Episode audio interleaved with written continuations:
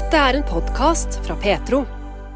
Gjennom hele oppveksten slet Jonny Karlsen med konsekvensene etter tapet av faren som omkom i utlandet. I dag er han sjøl far, med fire barn og seks barnebarn. Ifølge han sjøl ble livet forandret da han ble kristen i 1981, men bevisstheten om at det finnes en gud, den var med han helt fra barnsben av. Min mor trodde jo på Gud og, og fortalte oss om Gud og sånt. Og når jeg var tre skulle fylle fire år, så min far han trakk seg helt på metanol da, i utlandet. Jeg har noen aviser hjemme fra den tiden. Da. Så min mor fortalte jo om Gud og, og sånne ting. Eh, men så, når hun var mye alene, så fant hun eh, en type å bo med og litt sånn. Og det var jo ikke akkurat noe konstruktivt for oss barn, da. Mm. Så eh, der slet vi ganske mye da, på grunn av det, da. Ja. Så hun hadde jo fortalt oss om Gud og sånt, men eh, men vi levde Jeg vil ikke si at hun levde direkte etter, men, men hun trodde, sånn som mange andre nordmenn gjør. De tror på Gud. sant? Sånt og sånt. Men eh, man levde jo ikke sånn etter det, sånn som jeg opplevde nå i ettertid. sant? Jeg eh, visste jo ikke hvordan jeg skulle bli en kristen. sant? Og når jeg var liten gutt, sant, så var det jo en del krangling hjemme, og de drakk på julaften. og han han samboeren han ble jo skuffet mye, sant? og da ble det grining og slåssing. og Jeg husker mange ganger jeg løp ut og så opp mot himmelen og sa Gud, hvorfor tok du min far bort? Mm. Så det var jo, det gikk jo inn på oss ganske kraftig, da. Det gjorde det. Mm. Og du vokste opp med seks Dere var seks søsken, og to av de var utviklingshemmede, forstår jeg? Ja. Vi, eh, de kom jo myndighetene og hentet opp på 60-tallet. Det kom bare helt sånn eh, Bare tok de ut av hjemmet. Og... Så det var jo ganske brutalt, fikk vi det også oppå der igjen. Så det var jo ikke noe sånn kjekt for oss, da, for å si det sånn, da. Mm. Så det var jo en del vegger som raste ut da, kan du si. Jeg husker når jeg gikk på skole også, så dumpet jo første klasse, for jeg var ikke moden, sa de. Sant? Så var en liten sånn ur uromaker, for å si det sånn. da. Så, og ikke på jeg ikke kunne, eller noe sånt, men når ikke du var fulgt opp, sant? du slet litt med dysleksi, lese- og skrivevansker. Sant? Så det var, det var, jo vanskelig, for å si det sånn. da. Sånt, og det ser jeg ettertid hva frøken har skrevet i karakterboken min. Og, mm. og dette gjenspeilte seg også når jeg kom på ungdomsskolen.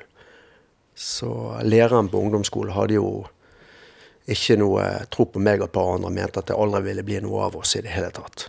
Mm. Så treffer jeg han etter noen år på en sånn klassefest, og så sier han 'beklager, jeg tror jeg har tatt feil'. Og så ser jeg han inn i øynene så sier jeg det at du skal vite en ting. Så jeg oppleve Jesus, og han har satt meg fri.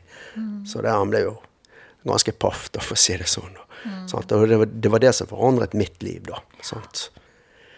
Men kan du si, jeg hadde jo bedt til Gud i, innimellom når jeg hadde det vanskelig, og jeg kjente da jeg var liten gutt, og for å si det sånn oppover, så kjente jeg det at når jeg hadde bedt til Gud, så var det noe. Men jeg kunne ikke sitte navn på det. Jeg visste jo ikke hvordan jeg skulle bli en kristen. Jeg trodde jo det at jeg måtte holde alle de ti bud. og alt dette greiene her. Sant? Og det står i Guds ord at har du brutt ett av de ti, så har du brutt alle ti. Så jeg hadde brutt det for lenge siden. Så jeg tenkte det her er jo ikke noe håp i det hele tatt. Sant? Jeg tenkte hvordan skal jeg kunne greie det? Det, det gikk jo ikke. Nei. Men uh, du, hadde, du hadde blitt vitnet litt for, og du hadde din mor, men det hadde liksom ikke gått skikkelig inn på en måte opp igjennom? Nei, det gjorde ikke det. Min mor fortalte en historie da når, hun, eh, når min far skulle reise ut. Sant? Han reiste ut med blødende magesår. Men så var det et eller annet han skulle ordne i hagen. Han var nødt til det for å kunne gjøre det. Det var noe sånn drenering og noe rør og noe gjerder. Og da, eh, når han skulle reise ut, så fikk hun det sånn fra seg fra Gud at hun ville aldri se han igjen. Hun sa det til han, og han begynte å hulke i på trappen. Og han dro oss, og eh, dro han til Amsterdam, og de festet, kan du si, drakk metanol. Og han og kokken fra Nordhamsund, de døde da. Men det var flere som ble blinde om bord på båten. og ja. Så det, livet sto ikke til. Og det var akkurat det min mor kjente. Hun. Det faller ikke spurt i jorden uten at Gud vet det. Så hun, hadde, hun visste det faktisk. Hun sa det til han. Men han måtte jo ut. sant, og Dessverre så gikk det sånn. Det var ikke det at min far Jeg trodde jo som liten gutt da, hvorfor tok du min far bort, Gud? sant? Jeg løp ut og så opp mot himmelen, det var slåssing og grining, grining hjemme. og pinneremet gikk veggimellom, og blodet fløt. Så, så, jeg var jo helt fortvila. Så ja. Og du gikk og bar på en stor sorg etter din far, forstår jeg, i årevis etterpå? Ja, det gjorde jeg. Fordi at mange av disse andre Du hadde, du hadde kamerater, de hadde en far, de hadde en så de kunne gå til. Min far er sterkere enn din far. Jeg hadde jo ingen far. Så jeg husker det når min far sin far kom på besøk. Trodde det var min far. Jeg løp ned pappa opp der, og så kom han ned, så var ikke det han. Så det var liksom uff. Det var liksom Det slo imot deg, for å si det sånn. Ja. Så ja. Det var ikke enkelt. Så jeg kom til å tenke med de som ikke vet hvem som er faren sin, og, og sliter med det. Det må være forferdelig. Det er jo Ja. I hvert fall når du ser samfunnet i dag, så er det helt utrolig hva denne kommer til å bli. da. For du går igjennom ting. sant? Du, ditt opphav er jo veldig viktig. Din identitet. sant? Å kjenne den. Det er jo, det er jo egentlig kjernen i alt vi holder på med, for å si det sånn. Ja. Men Gud har jo nok vært der allikevel, selv om det, synes det er ufattelig mye man må lide gå igjennom, og som barn og alt. Og det skjedde ting han etterjaget deg. Kan du fortelle litt videre hvordan, eh, hva ting som skjedde? Ja, jeg, eh, jeg begynte med sånn voksenopplæring på, på Sotra. Og der traff jo jeg en eh, som vitnet for oss om Jesus. da. Vi drakk jo veldig mye der ute. Det var jeg ble beskyldt for å gjøre innbrudd på et kjøkken som ikke var meg. Jeg vet jo hvem som gjorde det. Jeg hadde jo tre politianmeldelser. Så det var full festning der ute på internatet der på, på Sotra. der på. Og, eh, og eh, han her karen er vitne for oss om Jesus. Han hadde jo han, han Pga. mye misbruk av alkohol så har han gått i byen, og så hadde han noe som heter fallesyke. Han, han, han, bare Han hadde problemer med, å, med beina og sånt pga. mye alkohol og sånt. Og så hadde han slumret innom et møte i Tabernaklet Bergen og i pinsemenigheten. Og, og da fikk han høre om Jesus, og så hadde han tatt imot Jesus og ble momentant helbredet. Og han eh, begynte å vitne for, for, oss om Jesus, da. Og innerst inne så trodde jo jeg på det. sant? Jeg gjorde jo det, men jeg visste jo ikke hvordan jeg skulle ta imot dette. så og kanskje jeg hadde òg snakket mye imot det òg opp gjennom årene. sant? Men innerst inne så trodde jeg jeg visste det, for jeg ba jo til Gud når hadde det vanskelig. Og eh, opplevde det at det hjalp. Sant? Men så gikk jeg min egen vei når det gikk bra. Da kjørte jeg mitt eget løp og, og sånt. Og så spurte jo meg om jeg ville være med på et møte. da. Så jeg tenkte ja, nå har jeg prøvd alt mulig. Vi hadde jo prøvd alkohol og stoff og det ene og det andre. stedet. Nå, pss, hvorfor ikke? Det kan jo ned og høre hva dette er for noe. sant? Var åpen. og Så dro jeg ned på et møte i Terminus Hall. Det før Tabernakelet var ferdigbygget. På, dette var jo 81, da. Og det som, eh, det som skjedde, da, var det at jeg eh, Der snakket de om politikken i Midtøsten, og jeg var jo på en helt annen planet. Jeg led under forfølgelse, sa vi. Jeg hadde angst. Jeg eh, Altså eh, det traff jo ikke meg i det hele tatt. Så jeg gikk ut fra det møtet og ristet på hodet og tenkte de kristne er jo helt på bærtur. I alle dager er dette for greier. sant? Det, det, det var min, min, konklusjon. sant? Og, og og så kom vi ut igjen på den skolen og gikk videre. Og så spurte han meg en annen gang om jeg kunne tenke meg å være med på et møte til. Så sa jeg til ham nei, jeg tror ikke det. Jeg har prøvd det der stoffet der. jeg har prøvd det der greiene der. Men så, så fikk han med seg to andre karer der som ikke var kristne i det hele tatt. De skulle dra på et møte i noe som heter Sion Blomsterdal. Han var jo ganske ny sjøl på veien. Han var jo bare frelst og sant fem-seks måneder, så han visste jo ikke hvor det var. Men jeg Blomsterdal, det visste jeg lå oppe med Flesland. Det visste jeg i hvert fall. Og så, så sitter jeg oppe på rommet mitt, og så går de ned i bilen. Jeg vil ikke være med da. Så taler Gud til meg, da. Så sier han Jonny, du skal være med dem og vise veien til det møtet. Og så snakker jeg tilbake til han, og så sier han ja, men jeg vet ikke hvor det møtet. Så fikk jeg et syn. Og så fikk jeg se at det lå inni en dal, inni en sving der. Og akkurat sånn som jeg har hørt djeveltale. Bare gjør innbrudd, bare gjør det, bare stjel. bare det, sant? For vi mennesker vi har en, god stemme og en dårlig stemme. Sant? Og vi blir påvirket sant? av det, da. Og um, så tok jeg jakken min og løp ned, og da sto de akkurat klar til å kjøre. Så, så sa jeg jeg skal være med og vise dere veien til dette møtet her, sa jeg. Og um, så kom vi opp på det møtet. Det var vel ja, det var et par hundre mennesker der. og Det var en familie som hadde fått oppleve Jesus tror det var søsteren som hadde Hun ble blitt helbredet for epilepsi. Mor og far var blitt frelst. Det var dåp der. og Sånn full neddykkelse.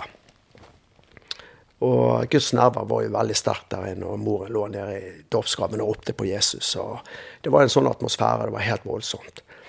Og jeg sto jo der, og da, da kjente jeg at, at uh, jeg knep kan si, magemuskler sammen. Jeg, eh, jeg, blåste luft opp i øynene for å begynne å grine. Jeg var, jeg og på knekke fullstendig sammen på innsiden.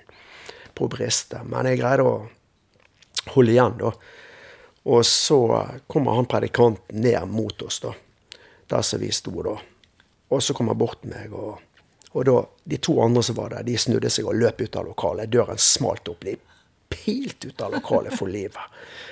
Og jeg sto jeg greide ikke å rekke meg. Jeg, eh, og så bare kjente jeg et sånt nærvær, en sånn kjærlighet. Og så sa Gud til meg det at har bedt til meg i alle år, nå vil jeg ha et svar. Vil du føle meg, eller vil du ikke? himmel eller helvete.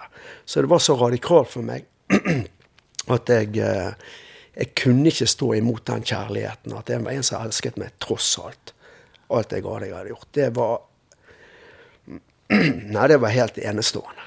Det var eh, Og da spør han predikanten tror du at Jesus døde for dine synder. Så sa jeg ja, sa jeg. Ja, tror du Gud oppreiste han fra de døde? Ja, ja, da er du en kristen. Nei, men gi deg, seg. Er det så enkelt? sant? Er det, er det så enkelt å bli en kristen? altså? Skal ikke jeg gjøre noe? Skal ikke jeg imponere Gud? Skal ikke gjøre noen gjerninger? Nei, sa han. Og så så han meg inn i øynene, sant? og så så han det at jeg kjempet. Og jeg bare bare grin, du sa. Jeg bare jeg knakk sammen. Tårer og snort ut mellom fingrene. Det var 200 mennesker. Jeg knakk fullstendig sammen. Men gitt om det var deilig. Jeg kom ut i bilen. Jeg var jo knallrød i øynene. Jeg hadde jo grener. sånn. Men jeg følte det var flere tusen kilo som bløftet av meg. Det var så vidunderlig. Og jeg så de andre satt og kjekk på meg. Og, og når vi kom ut på skole igjen, sant, så, så begynte jo folk å forfølge deg, på en måte. sant? De slengte drit i det. For ene uken satt jeg og drakk med gjengen og full av gale og var på byen. Og i, i neste runde så hadde jeg kuttet ut. Og så husker jeg meg og, meg og han der kameraten, vi bar jo en del og bar sammen og sånt. Og, og så var vi oppe hos en, dame, en eldre dame som, eh, som tok seg ut av oss en god del. En eldre dame som inviterte, oss opp til seg, og vi satt der og delte Guds ord og, og ba sammen. Det var, det var, en gjeng der. Og det var en sånn atmosfære. Så Guds rike, det, det, det er en kraft, det er en atmosfære, det er noe du kjenner. Og, og, jeg kjente jeg satt der, og jeg hadde røykpakken i lommen. Og jeg tenkte Det var noen som gikk ut og røykte. Jeg turte ikke gå ut og røyke. For jeg kjente, altså bare kjente på innsiden at røyken ødelegger livet ditt, og sånn og sånn og sånn. Og hvis jeg skulle røyke, så hadde jeg meg med skorstein, og det, det, var det ikke. sant? Og du ødelegger jo bare hele, du øler jo hele kroppen din. Så jeg eh, jeg husker jeg kom ut igjen på skolen, så bøyde mine kne med sengen. Da. Jeg delte jo rom med en, han var ikke der da, akkurat da. Så bøyde mine kne med sengen, og så bare gren og sa Gud, jeg ber at du må hjelpe meg å slutte å røyke. Eh, og så vil jeg bli døpt sånn som disiplet på pinsefestens dag. Sant? Og oppleve den kraften. Sant? Jeg hadde jo kjent den kraften. Sant? Og jeg var jo ganske bundet. Jeg var full av menneskefrykt. Så jeg husker jeg traff Tjomja. jeg gikk jo omveien og så det. Jeg turte ikke vise at jeg var en kristen i det hele tatt. Det var jo Det var der kampen sto mest, for djevelen var jo der og, og, sa er du sikker på at du vil greie dette her, og greier du å holde ditt tilbud, får du det til? sånn. Og det gikk rett på følelsene. Og det er der menneskene, det er der vi sliter. Men det som, det som var så sterkt, jeg fikk Jeg holdt nå fast på det. det. Det valget jeg hadde tatt. da. Og eh, så gikk det noen uker etterpå, da. Da plutselig han der kameraten min, han var jo veldig sånn Han kjente veldig åndelig sterkt at at vi skulle dra på, på, en, på Askøy. Og der ville Gud møte meg. Og det han ikke visste, det var at jeg hadde bøyd kne med køyen og bedt til Gud at jeg måtte bli kvitt røyken. Og da greiene sa kjære Gud, du må hjelpe meg. Du ser jeg har prøvd, jeg har ikke fått det til. Nå må du hjelpe meg. Og det hadde Gud sett. da. Og der plutselig sier han at nå går bussen om ti minutter. Vi må ta bussen til byen. Ta Askefergen over til Askøy og gå opp på det møtet. Og vi, vi gjorde jo det. Kom dertil. Og på det møtet så hadde predikanten talt, og, og det satt jo et par var, Den gangen var det disse pinsedamene med hatt og alt dette. Jeg tenkte de der gamle kjerringene med hatt, her kommer det aldri til å skje noe. Jeg tenkte jo, For jeg hadde, mitt sinn var jo helt på bærtur, for å si det mildt. da. Sånn, jeg tenkte jo sånn, da. Gamle tanter, og du er en ung gutt i 20-årene. sant? Hva i alle dager de gamle tantene med de hattene der? sant? Og da og da heldigvis så, så Gud hjertet mitt, at jeg ikke så det som var oppe i sikringsskapet. For det, det som Bibelen sier, det må fornyes. sant? Sant? Det er mange som sier at jeg skal bli en kristen når jeg, når jeg skjønner alt det som står i Bibelen. Det er bare tull. Du kommer aldri til å bli en kristen. Bibelen taler om at du må bli født på ny. sant? Ta imot Jesus. Og det jeg, det jeg oppdaget på det møtet, da, så sier han predikanten de som vil, de må komme frem til forbønn. Men jeg tenkte her skjer det ingenting. Så sier han kameraten jeg skal være med deg, sa han. Så vi gikk nå frem, og jeg sto der og så på disse tantene. og Så sier han predikanten du får, du får løfte hendene og takke Jesus. da, Og i alle dager jeg løfte hendene og takke Jesus. Følte de veide flere tonn, de der hendene mine. og så bare rundt meg på disse alle, de så jo på meg. Så at, uff, tenkte jeg. Sånt, det var jo Det kostet meg enormt å gjøre det. Så jeg løftet nå hendene og lukket øynene. da. Og han og hendene på hodet mitt, jeg bare forsvant. Jeg, for, jeg, vet ikke hvor jeg har vært. Jeg forsvant inn i en helt annen verden. Og til slutt så var jo møtet slutt. Og så kommer jo han herre kommer jo vaktmesteren og begynner å blinke med lyset. Det ryddet vekk stoler og alt i den aulaen det var i. Og, og, vekk, og, så må de dytte meg og vekke meg. Og jeg følte at jeg var full. Jeg hadde prøvd alkohol og stoff og alt, men dette var jo Jeg følte jeg svevde av gårde. Som de som var på morgenen. Og jeg gikk ut på toaletten og så meg i speilet. Og jeg, jeg lo, jo mer jeg så meg sjøl, jo mer lo jeg. Jeg, lo, jeg, tror jeg lo i fire måneder etterpå. Og jeg sa til Gud vet du hva, du må gi det, du, du sprenger meg. Jeg satt på bussen ute til skolen, og folk snudde seg på bussen og tenkte han er jo helt, må jo være mentalt gal. Men det var en sånn forløsning på innsiden. At det var helt ubeskrivelig. Det var en sånn frihet på innsiden. Sånn at jeg hadde Det var sikkert mye sår, mye vanskeligheter. Og det, og det, og det kjente jeg. Det, det løsnet. Og samtidig så turte jeg da å vitne mer om Jesus. Jo mer jeg vitnet og fortalte om det, jo sterkere ble det. Og jo mer respektert ble jeg. For jeg trodde at hvis jeg sier noe, så sant, nå vil ikke det holde. Men så, så viste det seg i ettertid at folk kom til meg, og, og, og, de som hadde gått imot oss ute på denne skolen, de kom jo om kveldene og ba om unnskyldning og sa du må be for meg. Jeg tør ikke å stå frem sjøl. De trodde. Og, og, og, det ble så sterkt ute på, på, det internatet at de sa at de der kristne ber, det går under i rommene. De turte ikke å bo der lenger. De dro inn til byen i hybler, disse voksne som var der. Så de turte faktisk at de ikke være der ute. For det var en sånn, det var et sånn gudsnærvær. Og Gud kalte på dem at enten så blir det sånn som disse to karene. Du løper ut døren, løper for livet. Eller så tar du imot. Så det blir en eh, Jesus sa jeg ikke kommer for å bringe fred på jorda, men sette et skille. Så det er en kamp om menneskets sjel og menneskets liv. Men er du villig til å miste ditt liv, som Jesus sa, da skal du finne ditt liv. Takk for at du lytter til denne podkasten fra Petro. Liker du det du hører, setter vi pris på om du tipser andre om radiosendinger og podkaster fra Petro. Du finner oss på DAB, og både radiosendinger og podkaster er tilgjengelige i Petro-appen, som enkelt lastes ned fra Google Play eller AppStore. Jonny har jobbet en del med narkomane og jobber nå med psykisk utviklingshemmede. Han opplever hele tiden at Gud er med han, også da han jobbet i bygg og anlegg, da han falt ned ca. ni meter og brakk ryggen på fire steder. Så jeg husker når jeg falt ned, så lå jeg på bakken, og jeg ba til Gud. Og jeg ble ikke slått ut. Jeg prøvde å reise meg. Og eh, så kom, eh, lå de meg inn i sykebilen, og jeg hadde enorme smerter. Jeg knuste begge håndleddene. De var, jeg stivet av begge håndleddene. Albuen røk. De fjernet beinet der. Ryggen knakk fire plasser. En ryggvirvel sto inn i spinalkanalen. Og, og, på vei ned til dette fikk hun vite etter, men på vei i sykebilen så spurte hun kanskje dere gi meg noe smertestillende. Når jeg lå på bakken, så lå jeg og ba til Gud. Jeg begynte å be til unger. Jeg lå og bare ba. Da var du jo nesten inne i døden. Ja. Og det som var på, jeg spurte kan dere gi meg noe smertestillende. Nei. Så sa jeg til de i sykebilen har det godt, nå reiser jeg. Jeg trodde jeg skulle til himmelen. Så jeg tenkte nå er det over og ut. Nå er det god natt. Du detter ni meter fritt fra ned i grå planert stein. Eh, ja, du kan jo si hva du vil. Men jeg tenker over det ettertid. Jeg fryser og tenker. Og han politimannen som kom der, han sa det at du må ha englevakt. Det er umulig å overleve. Det går, det går ikke an sånn. Det går ikke an. Fikk meg opp etter seks dager, var ute etter 18 dager. Og, men det var jo en god del operasjoner og litt vanskelig. Og, men midt oppi alt dette på sykehuset, så var jo litt sånn Det var ganske ganske sterkt. Det var en, var en kveld, og så var det en sykepleier som kom inn. Hun jobbet egentlig ikke på den avdelingen. Jeg har aldri sett henne før. Og eh, så begynte jeg å vitne om Guds godhet for denne damen. da. Og da lå jeg med hendene i stativet, kunne jo ikke gjøre noe. Jeg lå jo helt uh, med knokkerygg. Så vitnet jeg om Guds godhet. Så spurte jeg vil du bli en kristen. Hun hadde vært kristen tidligere. Ja, hun ville det.